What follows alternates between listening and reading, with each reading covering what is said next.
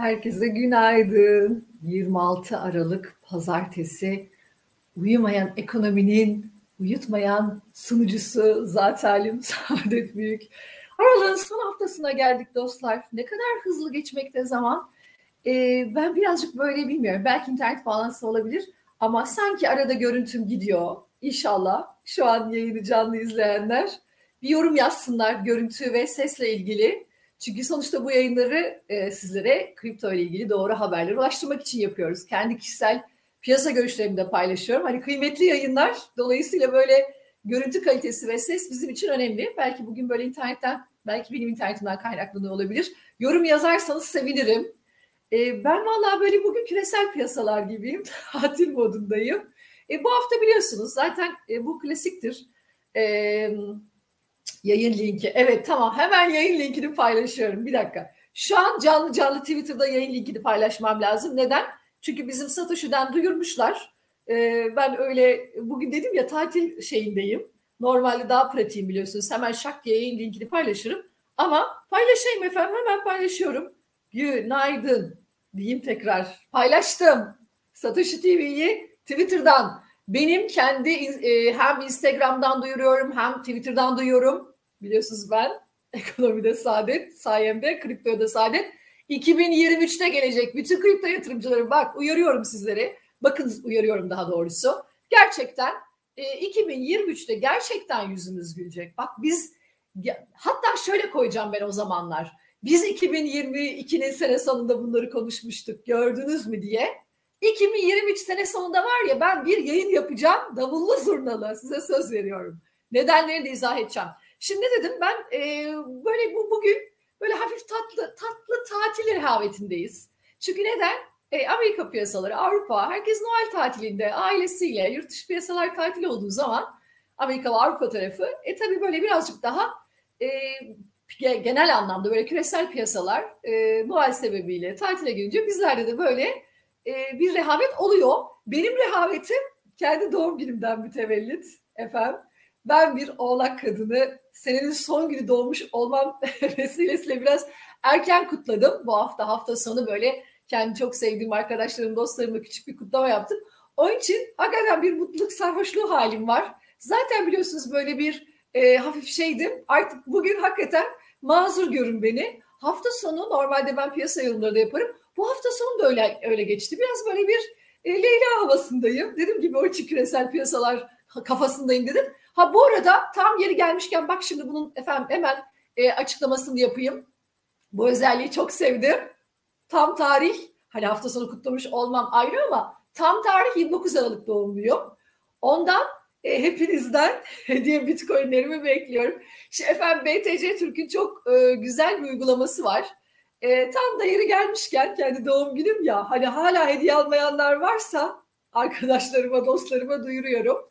Çok e, bence çok vizyoner. Bana böyle bir hediye gelmiş olsaydı e, hakikaten aklımda yer ederdi diye düşünüyorum. Keza bunu sadece doğum günü için değil, e, yılbaşı için de yapabilirsiniz sevdiklerinize. Kripto gönderebilirsiniz. BTC Türk'ün kendi sayfasında e, ayrıca aplikasyonunda da var bakabilirsiniz oradan.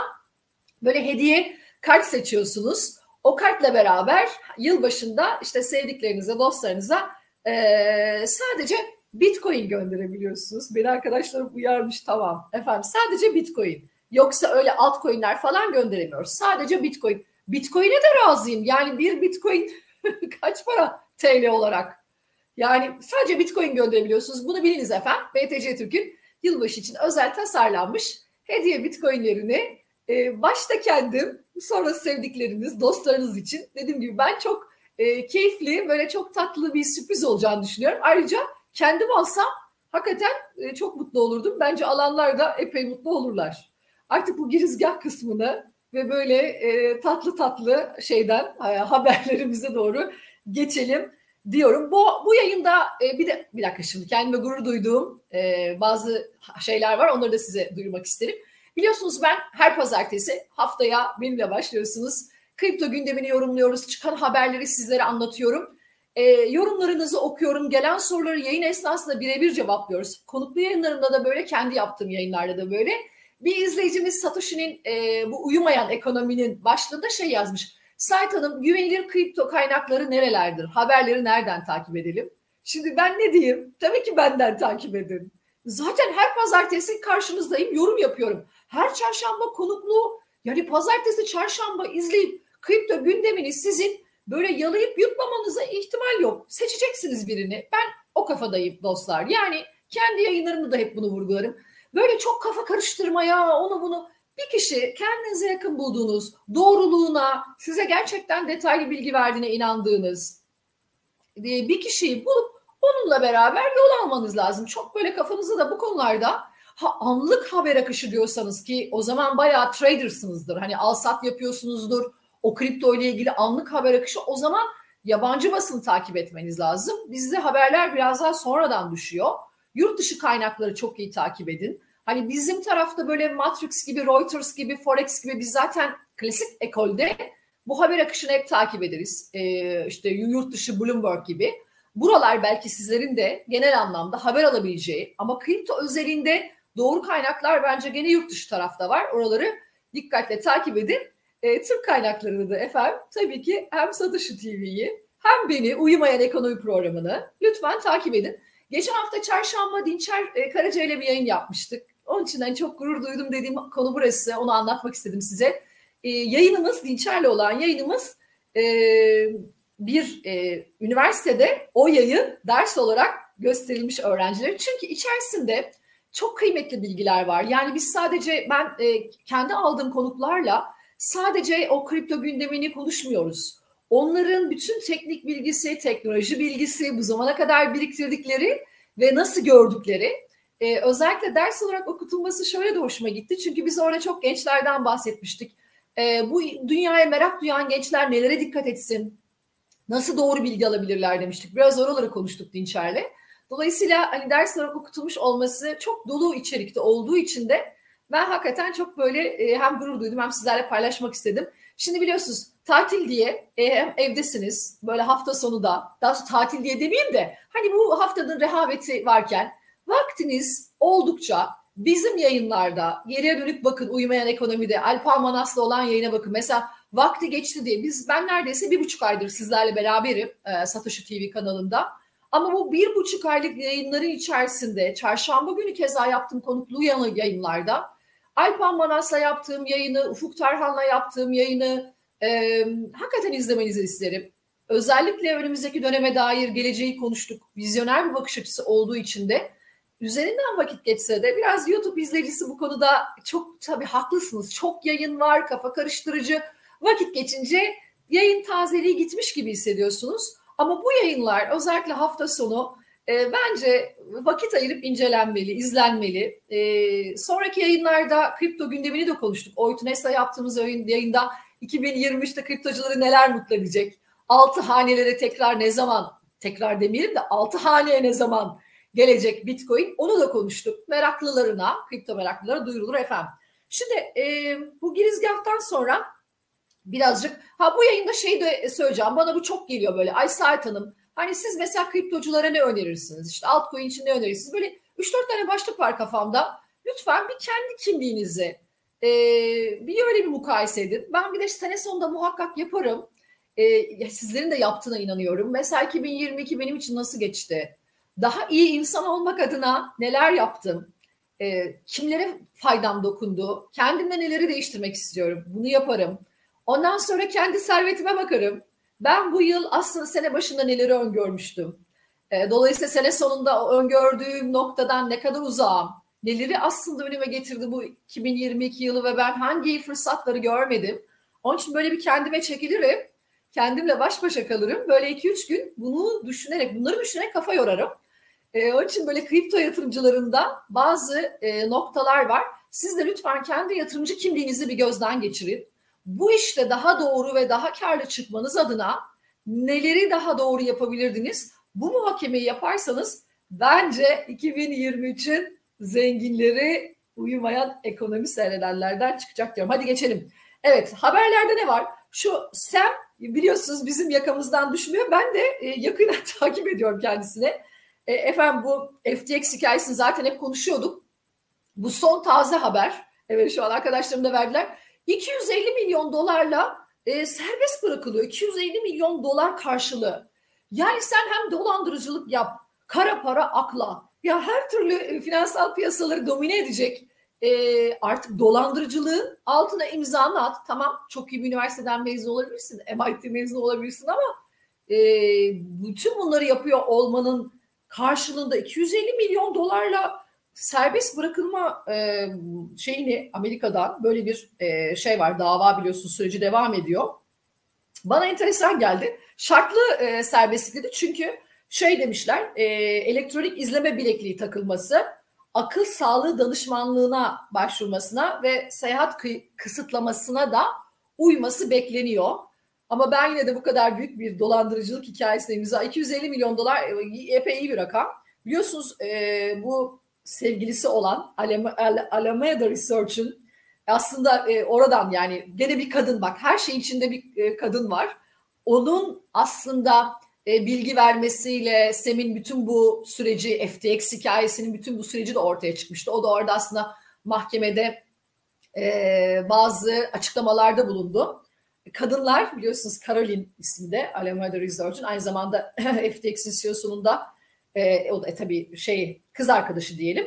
Dolayısıyla e, orada böyle e, yapılan yanlışlıkları da ifşa etmişti e, yakalanması noktasına enteresan geldi. Bana bunu özellikle e, sizlerle paylaşmak istedim. E, işbirliği yaptığı için. Yani bir kadının e, fendi Efendim geçenlerde de şeyi söylemiştim ben. E, bu ilk Bitcoin transferini yapan. Orada da biliyorsunuz Elon Musk bir tane tweet atınca Twitter'ını kapatacağız diye. Hemen eşi devreye girmişti. bir tane tweet atıp ben eşiyim. Ondan sonra e, Twitter hesabı kapanmasın diye bu tweet atıyorum diye. Biz kadınlar çok enteresan noktalarda enteresan hamleler yapabiliyoruz. Onun için benim dikkatimi çekti. Böyle şeyle anlatıyorum hani biraz şamata haber gibi anlatıyorum ama yani FTX hikayesi o kadar canımızı sıktı ve geçtiğimiz haftalarda neredeyse bir aydır Kasım'ın ortasından beri zaten e, kripto gündemi içerisinde çok detaylandırdık, konuştuk, anlattık. Zaten bugün e, kriptonun bu seviyede olması, yani ben hep şunu söyledim. Şu küresel ortamda e, özellikle e, Aralık ayındaki FED toplantısından sonra e, piyasanın en azından altının 1800 dolarlara doğru yükselmiş olması bizim kriptolarda da 20 bin seviyesinin üzerine gelmemizi gerektirirdi. Okey ayı piyasasında 40 bin seviyesini konuşmuyorum ama bir yükseliş olurdu. Bütün bu FTX yani Kasım'ın ortasından beri bu FTX iflası süreciyle kriptoların kendi ekosistemiyle ilgili bütün bu sistemdeki yanlışları gözümüzün önüne getirircesine ortaya çıkan bu dolandırıcılık hikayesiyle zaten e, kriptolardaki bu düşüşte e, yükselememenin asıl nedeni buralardı. Yani kendi ekosisteminden kaynaklanan sorunlardı. Hani bunu böyle şamata haber gibi veriyorum ama çok konuştuğumuz için sizlerle paylaşmak istedim. Evet bir de e, hafta sonu ben de yine kendi Twitter'ımdan duyurmuş efendim bu Elon Musk'ın Twitter e, CEO'luğundan ayrılıp ayrılmama hikayesi. Onu da sizlerle paylaşalım istedim.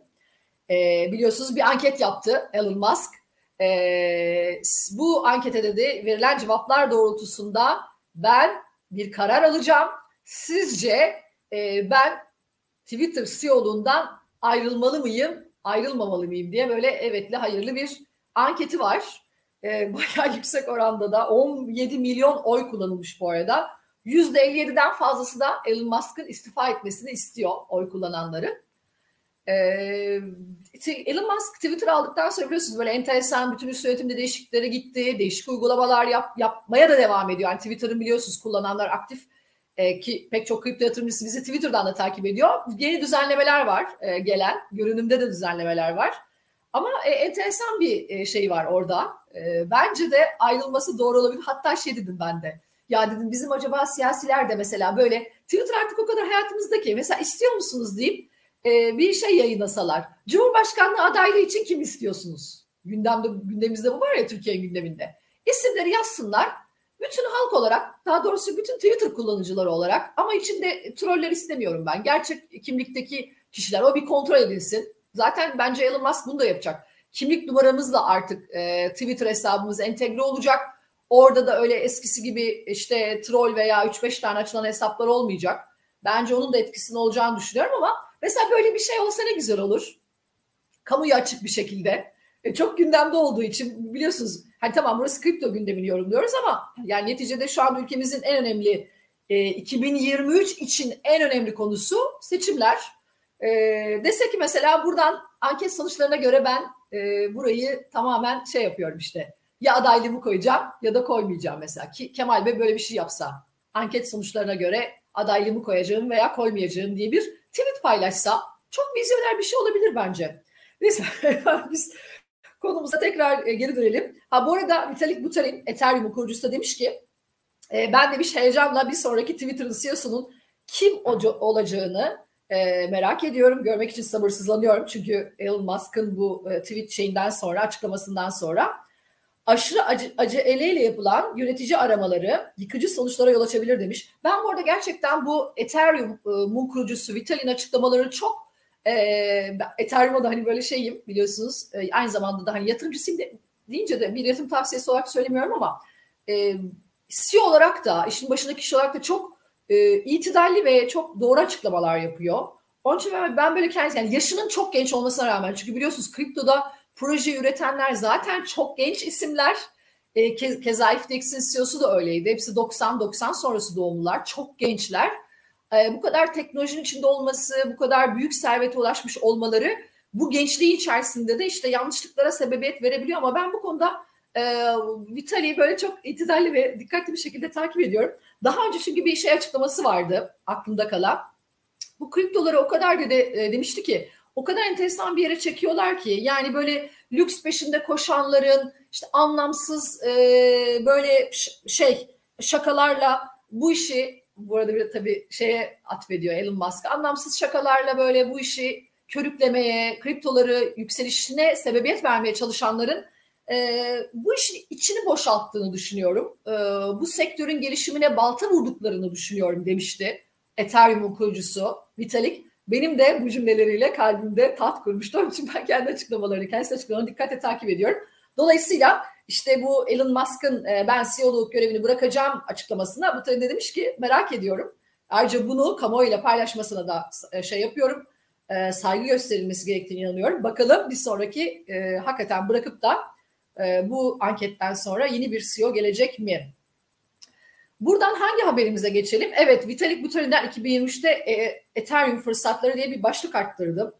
Çünkü e, özellikle bu kriptolarla ilgili yine Buterin'in, Vitalik'in açıklamaları var Vitalik Buterin'in. Şöyle diyor, 2023 yılında diyor kripto para endüstrisindeki büyük fırsatları sektöre milyarlarca insanın dahil olmasını sağlayacak daha basit cüzdanlar gelirse diyor enflasyon ve hiperenflasyon ortamına dayalıklı bir stable coin yaratılırsa diyor ve web sitelerine Ethereum üzerinden yetkilendirme ve Ethereum destekli web siteleri olması 2023 yılında Ethereum fırsatları olarak e, açıklamaları var. Onun için ben hani sizlerle paylaşmak istedim. Çünkü bu konu bana çok geliyor. Şu hani soğuk cüzdanı, donanım cüzdan hikayesini yayınlarda konuştuk. Ee, bir, bir iki hafta önceki yayında Oytunes'le olan yayında da bunu detaylandırmıştık. Çok basit bir şey. Kripto yatırımcıları evet şu anda FTX hikayesi böyle durulmuş gibi gözüküyor. Binance'i konuşur gibi olduk. Önümüze yeni böyle bir dalgalı deniz Ocak ortası itibariyle yeni haber akışı gelirse lütfen demiştim ki kripto yatırımcıları şu süreçte kendini korumak için yani ilk çeyrekte Mart 2023'e kadarki süre içerisinde kripto paraların kendi ekosisteminden kaynaklı e, yeni bir iflas dalgası, yeni bir haber gündemimize gelebilir. Onun için özellikle trade edenleri değil yani kısa vadede alsak yapanlar için bu uygun değil. Devamlı. Gerçi öyle de bir ortam yok şu an hani Bitcoin'de, Ethereum'da belki altcoin'lerde trade ediyorlardır. Yani kısa vadeli alım satım yapıyorlardır ama değer yatırımcılar için kendinizi korumak adına bunu soğuk cüzdan veya donanım cüzdanlara şu anda kripto, kripto paralarınızı çekin çok basit bir USB gibi bir şifreyle bunu internetten alıyorsunuz. Ama özellikle orada da dikkatli olun. Bilinen markaları tercih edin. Gidip ucuz diye ondan sonra da yanlış işler yapmayın. Bilinir bir markanın, yabancı bir markanın. Yazın Google'a e, ve araştırın. Birazcık bu işte biliyorsunuz kriptolarda araştırma önemli. Sonra soğuk cüzdana çekin. Şu süreçte birazcık daha kendinizi e, güvenli olabileceğimiz e, noktalara taşıyın demişim. Bu arada soru geldi ona bakıyorum. Gözüm ona takıldı. Demişler ki SEC'in FTT menkul kıymet olarak adlandırması hakkında ne düşünüyorsunuz? Kripto paraların yasal sınıflandırması için emsal teşkil edebilir mi? Ya bu çok konuşuluyor. Hani emtia mıdır, işte menkul kıymet midir? Ya ben burada hikayeyi şöyle okuyorum.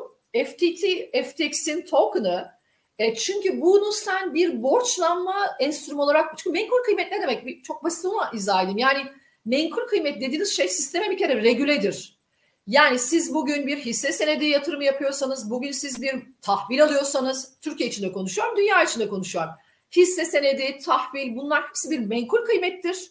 Bunlar e, kimisi işte bir devlet tahvili ise devletin yükümlülüğü güvencesi altındadır. Özel sektör tahvili ise de o şirketin çıkarttığı bir borçlanma kağıdıdır. Bunlar bir menkul kıymetse düzenlemeye tabidir ve sistemin e, regüle edilmesi anlamında da önemli bir kriter. Yani bir şey olduğu zaman karşınızda bir hukuki yaptırımın olabileceği sistemin içerisinde olmanız demektir. Menkul kıymetle kastedilen arda aslında bir sıkıntı olduğu zaman ben böyle okuyorum bu hikayeyi. Bir sıkıntı olduğu zaman karşınızda mahkemeleri, hukuku bulursunuz. Dolayısıyla elbette FTT bir menkul kıymet olmalı. Çünkü adamların yapmadığı şey kalmamış bu tokenla ilgili. Yani bir borçlanma kağıdı gibi üzerine e, bir kredi verip yeni işte tokenlar çıkartmışlar. Dolayısıyla bunun menkul kıymet sayılması yasal mahkeme sürecinde de alacağı ceza anlamında da önemli olduğu için e, bir e, menkul kıymet menkul kıymet olarak e, addedilmesini doğru buluyorum. Ama bu e, bundan sonra bütün kripto paraları, paraları bir emsal teşkil eder mi noktasında değilim. Sorunuzun ikinci kısmı bu. E, bu hepsi için bir regülasyon gelecek, hepsi bir menkul kıymettir demek doğru değil. Hani bence işte Bitcoin'i bir altın gibi düşünüyoruz, Ethereum'u gümüş gibi düşünüyoruz, daha emtia gibi görülüyor.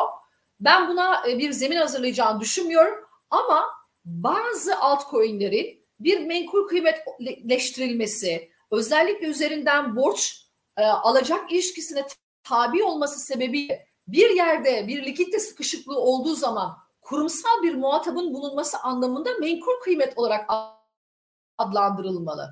E, Sözüm inşallah doğru izah edebilmişimdir. Yani bu iş hisse senedinde de böyledir. Türkiye'de yatırım yapıyorsanız dünyada da keza böyle e, şeyde de böyle devlet tahvilinde de böyle. Dolayısıyla sadece ben bu sürece özel bir konu olduğunu bütün kriptolar için emsal teşkil etmeyeceğini ama yayınlarda konuşmuştuk kripto paralar için hatta bizim e, başlıklarımızda var mıydı? Ben özellikle bunu da e, çünkü hakikaten bu işi şöyle görüyorum. Bu FTX hikayesi hani bir şer yaşadık ama bunu hayra dönüştürecek konu 2023'te kriptocular için şurası olacak bu işin. Sistem regülasyona gidecek. Yani biz bunu ister isteyelim ister istemeyelim. Olması gerekenin de bu olduğunu düşünüyorum. Hakikaten bu kripto para sistemini kripto para platformlarını özellikle yoksa bir Bitcoin veya Ethereum'a bir regülasyon gelecek diye söylemiyorum. Kripto para alım satımına konu edilen kurumlar regülasyona gitmek, sermaye yeterliliği, iç kontrol birimlerinin kurulması yani bütün bunların olması lazım. Biz bunları konuştuğumuz için hani belki devamlı takip eden izleyici için tekrar olur oluyor olabilir ama ilk defa dinleyenler için ya bu dünyadaki FTX en büyük kripto para platformu alım satımı yapan kurum hiç kontrol birimi yok. Ben size şöyle söylüyorum yani yurt dışı e, yabancı bir kurumda çalıştığım için ya bu böyle bir şey olamaz yani bir şirketin üstelik bir para alım satımı yani sen birilerinden para topluyorsun. Kurumun içerisinde bir iç kontrol birimi yoksa, bir denetim birimi yoksa bunlar çok önemli konular. Keza şeyde konuşmuştuk. Ee, yani bunu reklam için söylemem ama bunun sektörün önünü açacak bir haber olduğu için paylaşmıştım. BTC Türk'ün KPMG ile yaptığı anlaşmayı ve bunun aslında bütün Türkiye'deki kripto para platformları açısından bir öncü teşkil etmesini, bu denetimin ne kadar kıymetli olduğunu. Çünkü ben dostlar bir kripto yatırımcısıyım. Ben bilmiyorum ki ya ben neyi takip ediyorum? Şirketin başında kim var? Düşünün yani ben bu kadar yıllardır sektör içerisinde bir isimim. Ama aynı zamanda kriptolara da merak duyan ve bu dünyanın çok iyi önümüzdeki yıllarda da çok önümüze geleceğini düşündüğüm için Evet ufak bir yatırımım var ama ben bile o kurumu tercih ederken şirketin başındaki kişiye baktım. E, şirketin sermaye yeterliliğine baktım ama kurumun içerisinde ne yapıldığını benim bilme ihtimalim yok ki bir yatırımcı olarak. Dolayısıyla bunu bilebilmem için bir bağımsız denetimden geçmesi lazım o kurumun ki ha ben bu işleri doğru bir şekilde yönetiyor bu kurum. Dolayısıyla bu bağımsız denetim hikayesi sizin bu FTX sebebiyle ortaya çıkan konu neydi? Senin o aldığın kriptoların karşılığında kredilendirerek başkalarına e, kredi vermeleri, hatta belki ellerinde bile tutmamaları, yani ben aldığımı zannediyorum Ethereum veya ben aldığımı zannediyorum Bitcoin'i veya bir AVAX'ı, ben yatırımcı olarak o kripto para platformunda aldım ve tutuyorum zannediyorum. Aa, bir bakıyorum ki aslında bu aldığımı zannettiğim kriptolar orada yok. Ya da daha farklı rakamlarla almışlar. Şimdi aklınıza gelir mi yani biz çünkü e, bir bankaya bir mevduat koyduğunuz zaman nedir oradaki o güvence? Siz bilirsiniz ki banka sizin bütün bu yatırımınızı çok doğru bir şekilde herhangi bir yerde e, bir şeyde bulunmadan e, devlet güvencesindedir. Aklınıza gelmez. Yani onun için bu kriptoların bu regülasyon meselesinin önemli olduğunu düşünüyorum. Biraz uzattım burayı ama çok daha evvel detaylı konuşmuştuk. E, hemen hızlı hızlı geçiyorum. E, bu arada süremizin de biliyorsunuz böyle 25-30 dakikayı aş, aşmayalım istiyorum. Süremizin de sonuna gelirken başka bizim haber başlıklarımız içerisinde ne vardı? Onların e, hemen şuradan bir dakika dostlar. Brezilya ile ilgili bir haberimiz vardı. Özellikle onu da vermek isterim. E, global ve finans evet bir dakika. Vitalik'ten bunu paylaştık. Ha, Brezilya'dan şunun önemli olduğunu düşünüyorum. Şu iki haberi de hemen verelim e, özellikle şu dolandırıcılık amaçlı token ve Brezilya'dan gelen heh, kripto paralara onay. Evet şimdi ben de hemen o haberimizi açacağım. Hafta sonu ben çünkü şeyde de paylaşmıştım. Ee, bizim bir dakika. Benim kendi Twitter'ımda paylaştım. Çünkü bu token meselesi de çok önemli olduğunu düşünüyorum. Özellikle böyle kafasına göre e, altcoin'lere, token'lara yatırım yapanlar var. Şu Brezilya, e, Brezilya'dan kripto paralara yönelik yasa tasarısı onaylandı. Evet bu önemli. E, artık hani bir şekilde yasa, yasa diyor ki kripto paraları alıp satılabilen, transfer edebilen, ödemeler veya yatırımlar için kullanılan bir varlığın dijital temsili olarak tanımlıyor. E, dolayısıyla bu kripto para hizmeti sunan aracı kurumlar için temel kuralları içeren ülkenin ilk kripto paralara yönelik e, yasa tasarısı. Bunun da bence diğer hani gelişmekte olan piyasalar, sonuçta Brezilya bir gelişmiş ekonomi değil, gelişmek gelişmekte olan bir e, piyasadır. Brezilya, Rusya, Güney Afrika biz bunları birik ülkeler olarak değerlendiririz ama bu yasa tasarısının onaylanmış olması da hani gelişmekte olan diğer piyasalar açısından da bence e, önümüzdeki dönem e, özellikle bu regülasyonları konuştuğumuz için paylaşmak istedim sizinle. Önümüzdeki dönem gelecektir önümüze. Şimdi bu tokenları hemen e, söylemek istiyorum. Hafta sonu dediğim gibi ben kendi e, şeyimde de paylaşmıştım Twitter'ımda. E, Blockchain Risk İzleme Kuruluşu e, yayınladığı bir rapora göre e, bu yıl piyasaya sürülen dolandırıcılık amaçlı token sayısının geçen seneye göre yüzde 41 artışla 117.629 adet olduğunu söylüyor. Yani 2022 yılında günde yaklaşık 350 adet dolandırıcılık amaçlı token piyasaya sürülmüş. Bu inanılmaz bir rakam dostlar. Gerçekten bu altcoin'lere ve token işine, özellikle bak token işine Hatta bu e, Arjantin Dünya Kupası meselesinde de biliyorsunuz e, fiyatları acayip aşağı geldi. Zannedersiniz ki hani dünya şampiyonu oldu.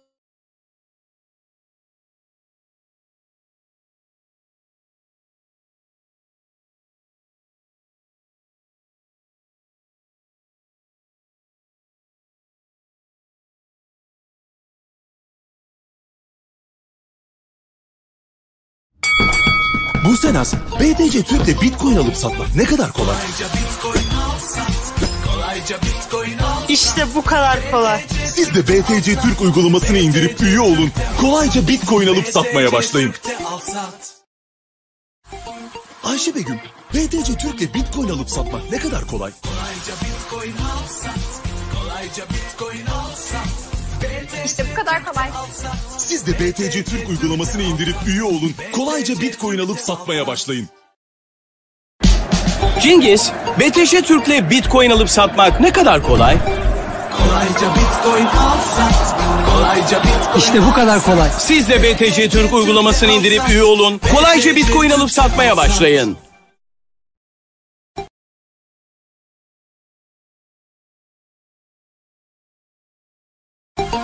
Ebrar, BTC Türk'te Bitcoin alıp satmak ne kadar kolay? Kolayca Bitcoin al sat. Kolayca Bitcoin al sat. BTC Türk'te al sat. İşte bu kadar kolay. Siz de BTC Türk uygulamasını indirin. Kolayca Bitcoin alıp satmaya başlayın. Buse Naz, BTC Türk'te Bitcoin alıp satmak ne kadar kolay? Kolayca Bitcoin al sat. Kolayca Bitcoin al İşte bu kadar kolay. Siz de BTC Türk uygulamasını indirip üye olun. Kolayca Bitcoin alıp satmaya başlayın. Ayşe Begüm, BTC Türk'le Bitcoin alıp satmak ne kadar kolay? Kolayca Bitcoin al sat Kolayca Bitcoin al sat İşte bu kadar kolay. Siz de BTC Türk uygulamasını indirip üye olun. Kolayca Bitcoin alıp satmaya başlayın. Cengiz, BTC Türk'le Bitcoin alıp satmak ne kadar kolay? Kolayca Bitcoin al sat Kolayca Bitcoin İşte bu kadar kolay. Siz de BTC Türk uygulamasını indirip üye olun. Kolayca Bitcoin alıp satmaya başlayın.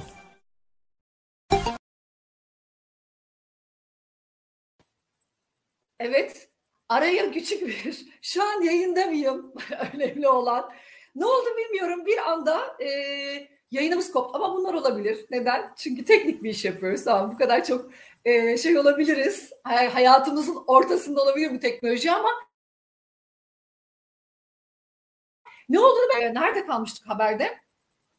Brezilya'yı konuştuk. Sonra dedim ki ben bu yayında özellikle şu e, sizinle paylaşmak istediğim ha dolandırıcılık hikayesini konuşmuştuk. A, tokenlarla ilgili uyarımı yapmıştım.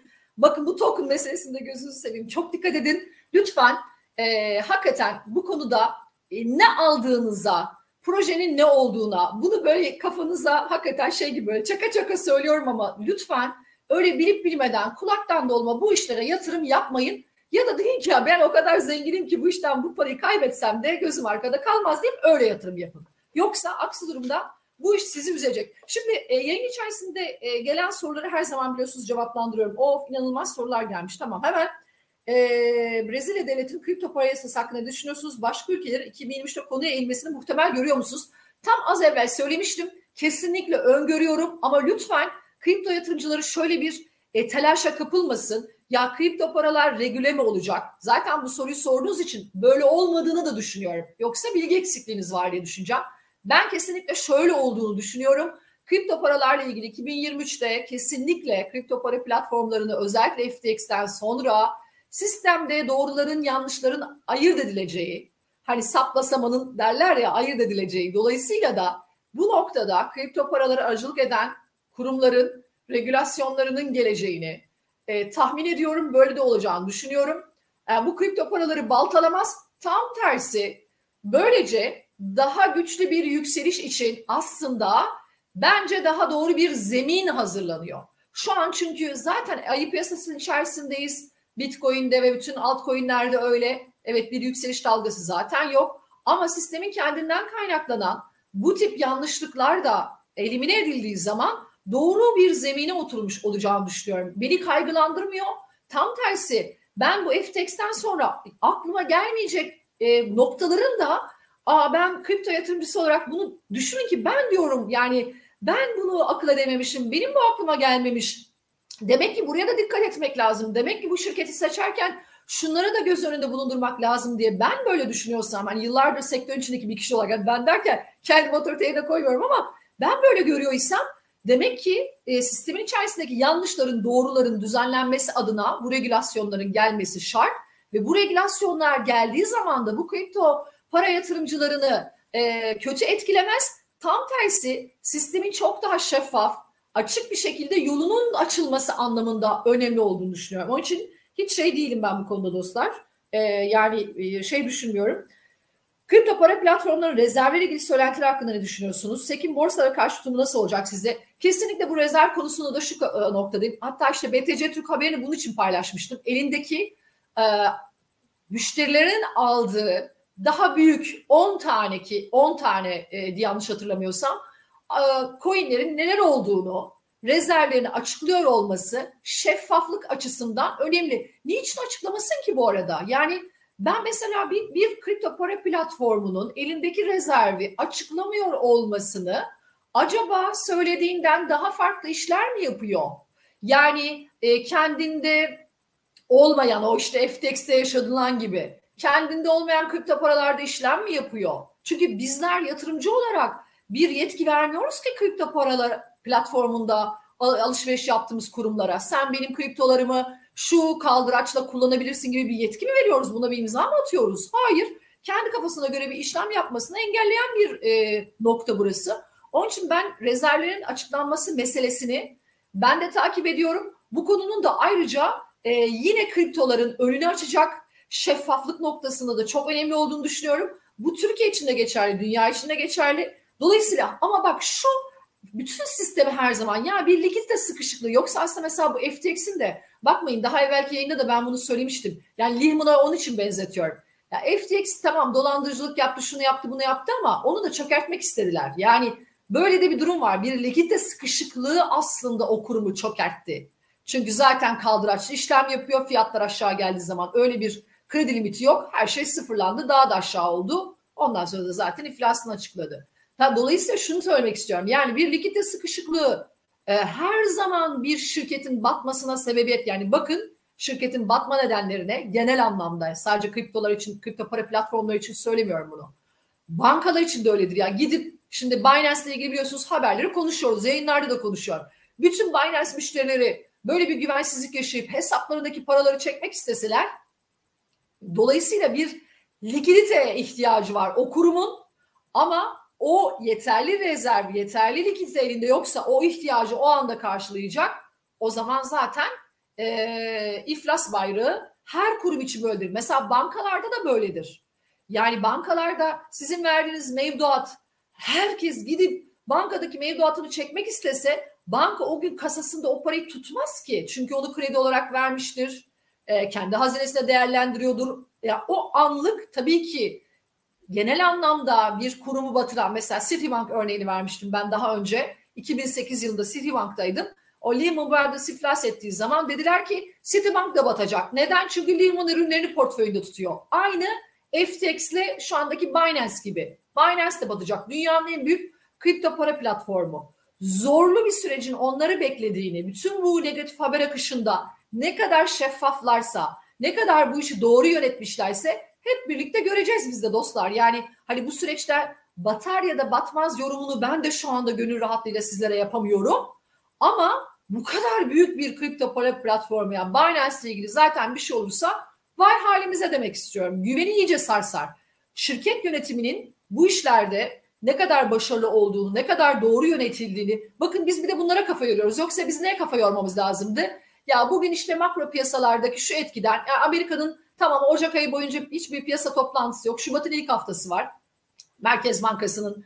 Dolayısıyla orada gelecek açıklamalar önemli. 2023 yılında daha ne kadar faizi yüksek tutacağı çünkü biliyorsunuz son toplantıda artık 5.10 gibi bir faiz e, kararı gelince öyle o kadar kolay Mart'tan sonra piyasalar rahatlamayacak. Bu iş zaten 2023 yılı boyunca Amerika'da faizler yüksek kalacak. Dolayısıyla biz ancak 2023'ün son çeyreğinde artık belki bir faiz indirimi noktasını konuşacağız.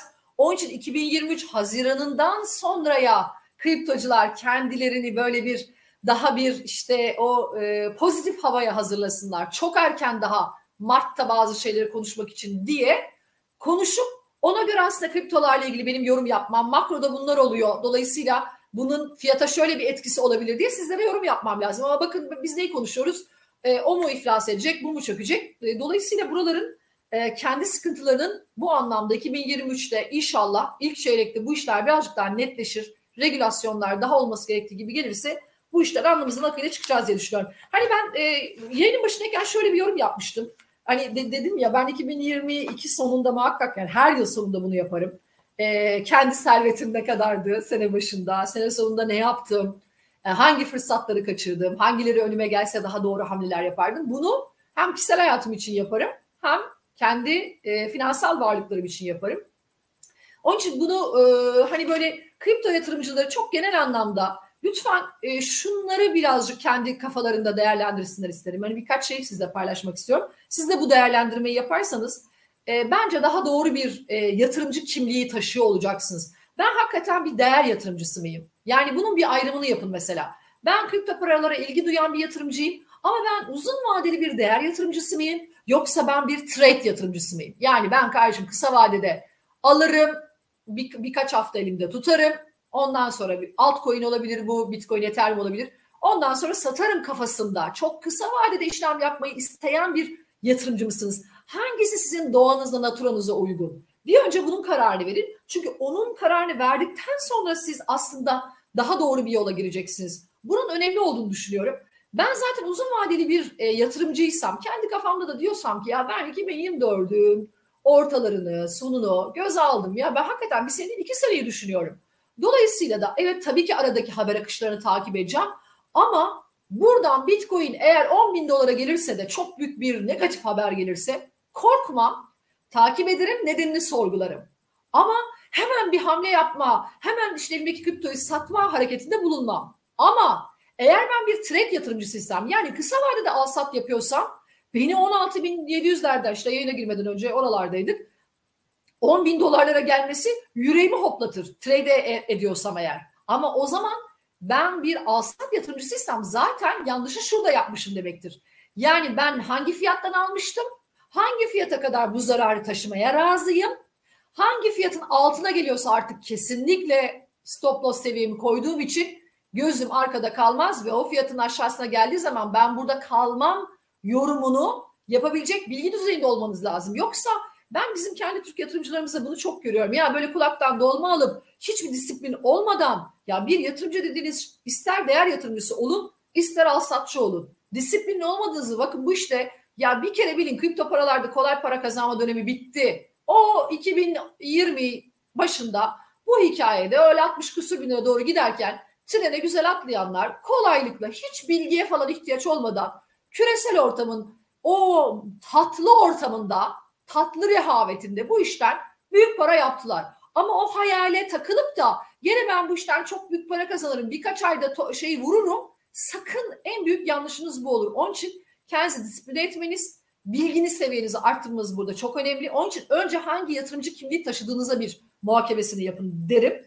Ve lütfen eğer bir altcoin yatırımı yapıyorsanız onun o e, white paper deniyor. Yani bu kripto para yatırımcısını kim çıkartmış? Başında kimler var? Hangi projeye çözüm olarak üretilmiş? Ya bana bazen e, yorumlarda bakıyorum kendi yayınlarımda da öyle altcoin'ler söylüyorlar ki vallahi ben adını duymamışım yani o altcoin'in. Ben diyorum bunu bilmiyorum. Hemen bakıyorum yurt dışı basından kendi bu e, sitesinden kendi kaynaklarından okumaya çalışıyorum. Hangi tarihte çıkartmış diyorum.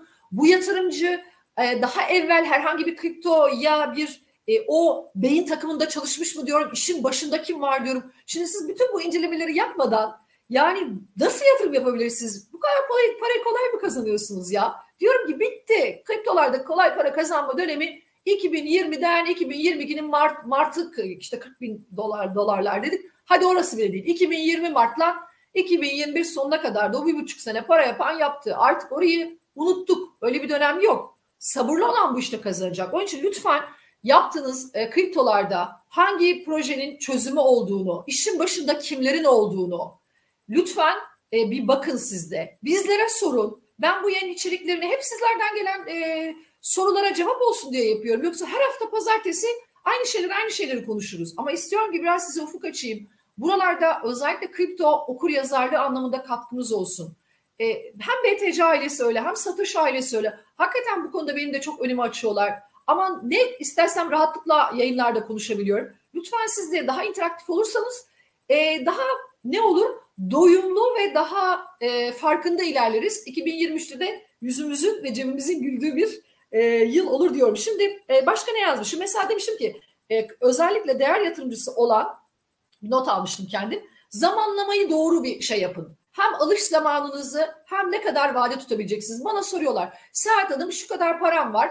2 bin dolar, 3 bin dolar, 100 bin dolar ne kadar hiç önemli değil. Ama ben bunu 2023'te işte ev almak için e, kullanacağım. 2023'te araba almak için kullanacağım. Senin ne işin var kriptoda ya? Eğer ev alacaksan, araba alacaksan yani bu yatırımları yapacak olan kişinin kriptoda ne işi var? Senin bir arsa alımı gibi bunu kafanda konumlandırıp yatırım yapıyor olman. Diyorum ki en dalgalı denizdeyiz. En zor para kazanılan dönemdeyiz. Çok sabırlı olacaksan birkaç ay hiç yükseliş olmasa da ben burada kalabileceğim. Sen her gün bakıyor musun aldığın arsanın fiyatına? Kaç lira oldu? Ben 100 bin liradan aldım. 105 mi oldu? 110 mu oldu? 120'ye mi çıktı 95'e mi düştü diye bakıyor musun? Bakmıyorsun. Kriptoda da şu dönem öyle bir dönem. Yani uzun vadeli bakacaksanız, değer yatırımcısıysanız paranızı buraya koyun. Aman sakın araba alacağınız, ev alacağınız parayla bu işlere hakikaten hiç bulaşmayın. E, sonuçta siz üzülürsünüz. Bana bir şey olmaz. Ben böyle konuşuyorum işte. Sonra demişim ki e, dördüncü maddede hangi kripto para platformlarına alım satım yapacaksınız? En çok soru gelen Saat Hanım siz ne öneriyorsunuz? Sağ olsunlar. Benim kendi izleyicim bana çok güveniyor. Ben de yıllardır hakikaten bu güveni hani çok şükür sarsacak hani Allah şaşırtmasın derim. Beni kendi yayınlarından samimiyetle izah ettiğim için. E, bilenler biliyor. E, paran içindeyim yıllardır. Hep derim ya korkarım ben bu işlerde ya bir şeye vesile olmak diye. Ağzınızdan çıkacağı da bunun için dikkat etmeniz lazım. E tabii ben şimdi BTC ile olan bir anlaşmam var. Hani bekler misiniz yok başka git para platformunda işlem yap diyemem. Ama şunu da biliyorum mesela BTC Türk'ün bu KPMG ile yaptığı e, bir anlaşmanın olması, kendisini denetliyor olması, sektörün en büyük oyuncusu oluyor olması. E bunlar önemli. Şirketin başındaki kişilere bakıyorsunuz zaten çok büyük yatırımları olan insanlar. Geçmişte de zaten şirketleri olan e, bu, bu noktada kaynak konusunda sıkıntısı olmayan insanlar. Şimdi bütün bunları sizler de değerlendirin. Diğer kripto para platformlarında elbette hani diyorum ki ben mesela bölün iki veya üç tane çok büyük paranız varsa buralarda muhakkak iki ya da üç tanesini kullanın veya zaten şimdi bu Binance hikayesi ben derdim ki dünyada böyle hani Türkiye'de hiç tutmuyor tutmayın güvenmeyin. E dünyada da bakın Binance'i konuşuyor. Zaten nerede tutacaksınız başka? Binance'in başına bu geliyorsa e, varın düşünün yani. Onun için hani bu kripto para platformları konusunda ben de e, hakikaten şunu özellikle yani e, ağzımdan çıkacak e, cümleleri doğru seçmeye çalışıyorum. Ama takdir edersiniz ki yani onun için arkadaşlar BTC Türk'ün haberini verdiler tabii ama hani bunu reklam yapmak için böyle aman e, ben bu kurumla anlaşmalıyım elbette doğruyu söyleyeceğim ama bunu yapmış olmam zaten ben bunu yaptığım için bu açıklamayı değil zaten onlar sektörde yapılması gerekenleri yapmaya gayret ediyor hassas davranıyorlar sizler de bu konularda diğer kurumlarda da bunlar oluyor mu olmuyor mu diye lütfen kontrol edin.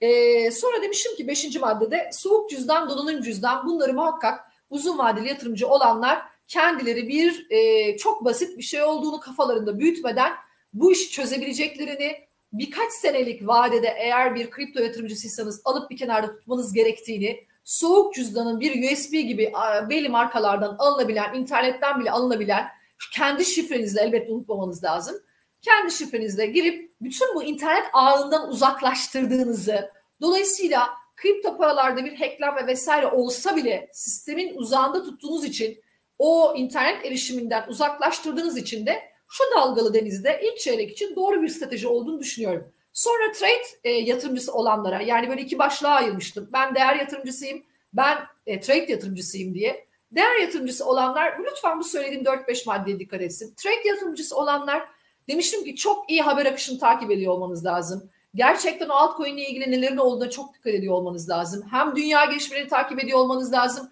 Bence bunun için başka bir işle iştigal etmiyor olmanız lazım. Yani benim zaten başka bir işim var. Geleyim orada da altcoin'lerde trade edeyim. Yok bence bu sizin işiniz olmalı. Onun için de kendinizi geliştirmeniz lazım. Eğitimler alıyor olmanız lazım.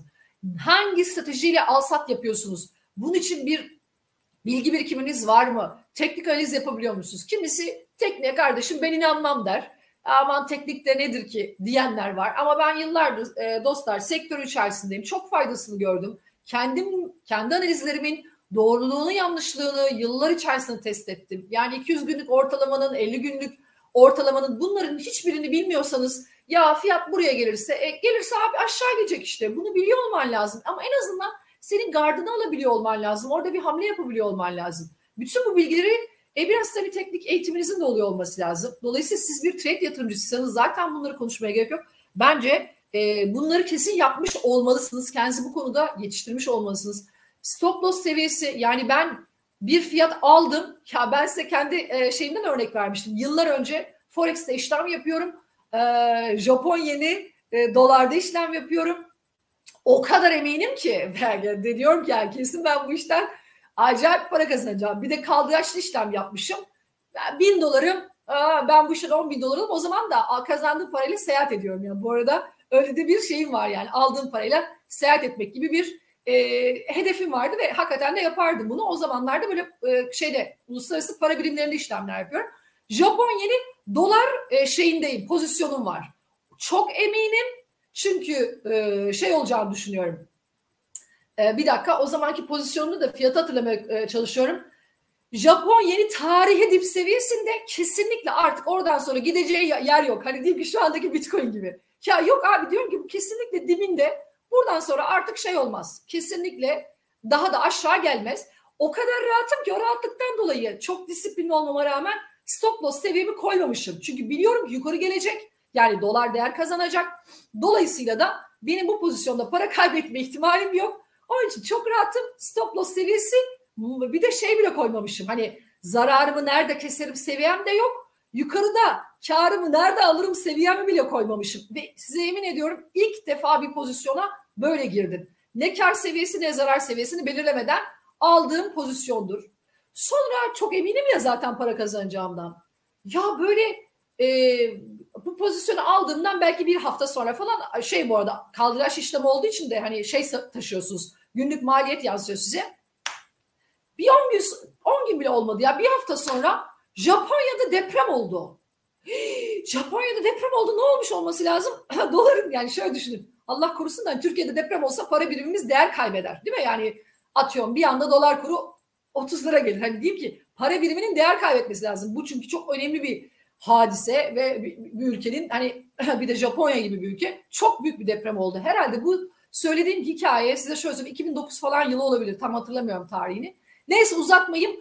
Ee, o gün ne oldu biliyor musunuz? Japonya'da deprem oldu ama parası değer kazandı. Bakın Google'a ya bir ülkede deprem olup parası değer kazanan ilk e, pozisyonda benim pozisyonum mu olur ya? O işte size şöyle söyleyeyim bilgisayarımı açıp pozisyonumu kapatana kadar marjin oldum. Kazandığımı da kaybettim. Onun için bana çok büyük bir derstir bu hikayeyi. Onun için anlattım. Kendi yaşanmış hikayem olduğu için. Dolayısıyla dostlar bu iş böyle disiplin olmadan ben bu işte trade ediyorum çok da para yaparım. Ha bak şımarıklığa girmiştim. O zamana kadar çok güzel para kazandım. Çok ciddi bir para yapmıştım yani o zaman için. Öyle işte 2-3 bin dolarımı 20 bin dolar falan yapmıştım. Havaya girdim ben bu işi ya bir kesinlikle hallediyorum diye. Küt ondan sonra o 10 küsür bin dolarımı sadece bu pozisyonda kaybettim. Yani onun için bu piyasalarda disiplin olmak çok önemli söylemiş olayım. Bitcoin fiyatının bu seviyelerde kalmasını madenciler o güzel sorular geliyor. Hadi bir 5 dakikada sorulara bakalım. Uzattım bu kısmı. Ee, bunu şunun için hani sizleri ne kadar disiplinli olmanız, ne kadar profesyonel olsanız da bir stratejinin gerektiğini anlatmak için e, bu şeyleri yaptım aslında açıklamaları. Demişler ki Bitcoin fiyatının e, bu seviyelerde kalması madenciler için ne ifade ediyor? Başka iflaslarda beklemeli miyiz? Ben Şöyle söyleyeyim hani madenciler açısından e, tabii onların katlandığı bir maliyet var. Fiyatların bu kadar düşmüş olması hatta bir dönem e, madenciler de ellerindeki kriptoları satıyorlar gibi haberler de vardı. Çünkü orada şöyle bir şey var. Onların da nakde ihtiyacı var. E, özellikle madencileri likit sağlayan bazı kurumlarla da ilgili e, onlara kredi line'ı açan, kredi limiti sağlayan bazı kurumlarla da ilgili iflas haberleri de gelmişti. E, ya da gelebileceğiyle ilgili haber akışı da vardı. Likidite e, sektörün her noktasında, ekosistemin bu her noktasında geçerli. Ben bunu böyle tamam madenciler bu işi yapmaktan vazgeçiyorlar. Ya o zaman şöyle diyelim, e, altının e, zaten çıkarılma seviyesi 1200 ama bir dönem altın daha aşağısında gördü. O zaman altın işi yapanlar çıkartmaktan vaz mı geçerler? Yok öyle bir şey. Yani niye nasıl bu haberleri bununla bağdaştırıyorlar? Benim çok aklım almıyor ama birisi ortaya bir şey atıyor. Oradan sonra başkaları da bunun üzerine hikaye inşa ediyor gibi geliyor bana. Ee, yani fiyatın bu kadar aşağı geliyor olması evet can sıkıcı ama zaten sorunların nerelerden kaynaklandığını izah ettik. Fiyatların bu kadar aşağı gelmiş olması ben madenci olarak tamam artık işte bir bitcoin üretmekten vazgeçiyorum. Maliyetlerim çünkü elektrik maliyeti var, katlandığı bazı maliyetler var. Fiyatlar yukarı giderken tabii ki çok fazla bu işe yatırım yapanlar oldu. Şurayı etkiler dostlar. Bu soruyu sorana da cevap olmuş olsun. Zaten bu işi çok ezelden beri yapıyorsanız, zaten bu iş sizin ana işinizse madenci olarak söylüyorum. O zaman yapmaya devam edersiniz. Çünkü sisteminizi fiyattan bağımsız olarak kurmuşsunuzdur. Yani siz şöyle bir şey olmazsınız madenci olarak. Fiyat 70 bin dolarlardayken bitcoin üretirim. Bu makineleri, bütün bu büyük işlemcili bilgisayarları ben bunun için almıştım. 70 bin dolardayken üretim yaparım ama fiyat 10 bin dolara düşerse üretim yapmam. Siz bir şirket olarak eğer madencilik yapmak isteyen bir bitcoin üretimcisi olarak bu kafayla zaten eğer e, bu işe başladıysanız zaten çökmeye mahkumsunuzdur. Bu işe özellikle fiyat yükselişinden sonra 2021'in ortasından sonra giren çok fazla madenci şirketi de oldu. Bu işlere merak saran çok büyük para kazanıyor. Çünkü ürettiğinizin üzerinden Bitcoin madenciliğinde bir şey var, e, kazancı var. Fiyatlar çok yüksek, yüksekken girenler oldu. Ama ben bunun buraya çok etkili olacağını düşünmüyorum. Siz zaten uzun yıllardır Bitcoin madenciliği yapıyorsanız, ya bu işin 2009'dan 2010'dan beri madencisi olarak kendinizi bu süreçte de zaten bir yerden bir yere, bir yere taşımışsanız, eskiden biri bu işle iştigal ediyorsanız o Bitcoin madencileri bu işi üretmekten vazgeçmezler. Sektöre yeni girenleri böyle şey etkisi yapar. Ne diyelim soğuk duş etkisi yapar. Onlar sektörden çıkabilirler, e, yapmayabilirler. Ama bu tümünü, bütün Bitcoin madencileri artık Bitcoin çıkartmaktan vazgeçti demek anlamına gelmiyor. Bu işte büyük para var diye girenler, sonradan girenler ilk çıkar olur ama sektörün genelini etkilemez. Başka iflaslarda beklemeli miyiz diyenler var. Bunu şey için mi soruyorsunuz? Kripto para platformlarında başka iflaslar mı? Size söyledim. Kendinizi korumayı öğrenmelisiniz. Başka iflaslar gelmeyecek. Şu anda bakın bu camianın içerisinde olan hiç kimse size şunu diyemez. Çünkü o zaman bana demesi lazımdı ki e, bu sene FTX hikayesi olmayacak. Hiçbirimiz bunu bilemedik. Sektör içerisinde sektörü takip edenler de bunu öngöremezler. Ama FTX'ten do- dolayı bir şeylere uyandık. Farkındalığımız arttı. Sektörde bu tip işlemlerin yapılabileceğiyle ilgili. O zaman şu kaygılar arttı. Aa bir dakika bunlar bunu yapıyorsa acaba başkaları da yapmış olabilir mi? Başka şirketler de zora girebilir mi? Kaygıları arttı. Onun için size ben 2008'deki Lehman örneğini vermiştim. 2008'de dünya piyasalarında Lehman Brothers gibi çok büyük 100 yıllık bir kurum e, iflas edince Lehman'la işbirliği içerisinde olan bankalar veya o dönemki aracı kurumlarda da acaba yeni iflaslar gelebilir mi diye Amerika'daki o mortgage krizi olarak geçer ama ana nokta e, domino 2008'de Lehman'dır. Gelir mi diye bütün bankacılık sektörünü etkileyecek sıkıntılar olabilir mi diye çok konuştuk. O dönem işte Citibank'ın iflası sürecinde o dönemde de çok konuşmuştuk. Sonrasında çok şükür olmadı. Çünkü zaten yani bütün dünyayı çökertecek bir haber olurdu. Ama bunu şunun için söylüyorum. Ee, zor bir süreçte kriptolar. Fiyat dalgalanmalarına çok müsait. Negatif haber akışı. Zaten ayı piyasasındaydık. Bir de üst üste negatif haber akışı olunca kafamızı çıkaramıyoruz. Yoksa sene başında hani o 45 bin 46 bin dolarlardan biliyorsunuz oralardan başlamıştık. Hani bu sene e, son öyle artık yayını e, da kapatalım eğer başka bir soru yoksa. 47.700'den açmışız. E, 1 Ocak Bitcoin fiyatına baktım. E şimdi bu yayına girerken ben 16.850'lerdeyiz. E ciddi bir aşağı hareket olmuş. Ben hep şunu söyledim. Bana soru geldiği zaman büyük kurumsal yatırımcılar ne zaman bu işin içerisine girdi yatırımcı olarak bendeki güveni e, onaylamış oldular. Onların genel maliyetleri 25 bin 30 bin bandında olduğu için ben özellikle 2023'te bir anda tabii tekrar böyle bir 50 binli hareket beklemesem de Fed'in faiz politikaları ve yeni bir kripto para platformu ile ilgili büyük bir iflas gelmediği noktada fiyatların tekrar 30 bin lira doğru gelme potansiyeli olduğuna 2023'te çok iknayım. 2023'ün sonunun da yüzümüzü çok güldüreceğine iknayım. Şu andaki perspektiften bakınca, şu andaki bilgi birikimimle ben 2023'ün sonunda biz bu yayını yaptığımızda hadi bakın geçen sene biz neler söylemişiz bak nokta atışı demeyi bize nasip edeceğini düşünüyorum. 2023'ün son çeyreğinin özellikle şu anda Amerika'nın açıklamaları bütün piyasaları biliyorsunuz tarafta da takip ediyorum. Bana bu projeksiyonu veriyor. Ama fiyat dalgalanmaları ya Saadet yeni bir haber gelirse evet yani bizi 16 binlerin altına ittirir. E, çok negatif olur.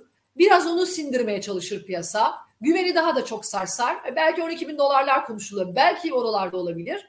Ama bunlar gelmezse birazcık hani o e, Fed'in yeni açıklamalarıyla Mart sonrası ben tekrar bir böyle 30 bin hareketi. Bu benim yatırım tavsiyesi değildir. Kendi şahsi ke- tamamen kendi analizimde yaptığım yorum. Bizim yüzümüzü güldürebilir diye düşünüyorum. Hani bunu ben Bitcoin, Ethereum e, asıl domino yani en büyük 10 kripto para diye söyleyeyim aslında. Hani en büyük zaten Bitcoin işlem hacmi olarak Ethereum. Hani buralarda e, ilk başta onlar etkileniyor sonra altcoin'ler geliyor. Altcoin'lerde kendi spesifik hikayeleri var biliyorsunuz. Hangi proje oldukları, hangi projeden aslında e, çözüm için yaratıldıkları oralara bakmak, o haber akışını takip etmek lazım. Yani fiyat yükselişini söylerken Önce onlar akümüle ediyor. Ondan sonra arkasından altcoin'ler geliyor. E, Valla bizler şimdilik bence bu kadar. Bu sefer arada bir e, teknik şeyimiz oldu. E, bu hafta biliyorsunuz ne dedim?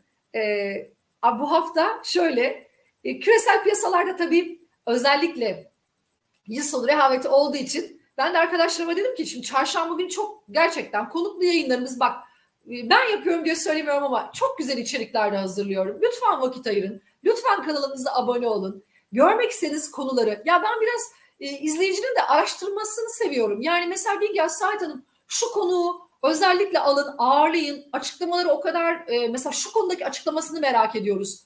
Ben e, ilerleyen e, bölümlerde 2023'te çok ilginç röportajlar ve içerikte yayınlar yapmak planındayım. Bunları şimdiden söylemeyeyim ki hem sürpriz olsun hem de başkaları fikirlerimizi almasınlar bu kanalda izleyin diye. Dolayısıyla böyle çok e, sizi de çok böyle hani meraklıların bu işe meraklıları da çok ilgisini çekecek konuklar e, geliyor olacak 2023'te. Ama sizlerden de bu konuda özellikle e, hem kanala abone olmanızı hem desteklemenizi rica ediyorum. E, sorularınızı yayın içerisinde cevaplıyorum. Yayının altında da lütfen e, yazın. Bir sonraki yayında muhakkak bakıyorum, göz atıyorum.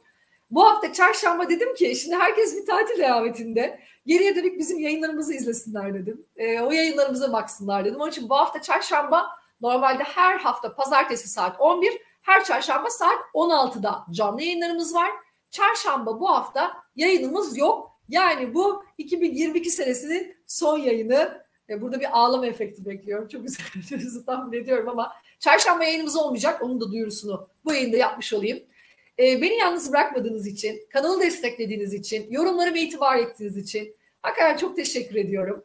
Lütfen hediye alıp verme noktasında 29'u benim doğum günüm ben de bekliyorum. Gerçek tarih 29'u. Biz yayının başında söylemiştim onu haftasını arkadaşlarımı kutladım diye. Ama yeni yıl içinde hediye alıp verme işinde bakın bu e, çok proaktif işte BTC'nin uygulaması, BTC Türk'ün uygulaması hediye alıp vermek isteyenler kripto hediye edebilirler. E, hoş ve çok vizyoner, etkileyici bir hediye olacağını düşünüyorum. Dolayısıyla e, şimdiden herkese 2022'nin oh bitti 2023 bundan çok daha güzel bir yıl olsun. Başta sağlıklı olsun e, hepimizin de gönlünde hangi dileği varsa onun gerçekleştiği bir yıl olsun e, temennisindeyim. Herkese iyi yıllar diliyorum. 2023'ün ilk yayınında yani 2 Ocak pazartesi günü görüşmek üzere. Kendinize çok iyi bakın.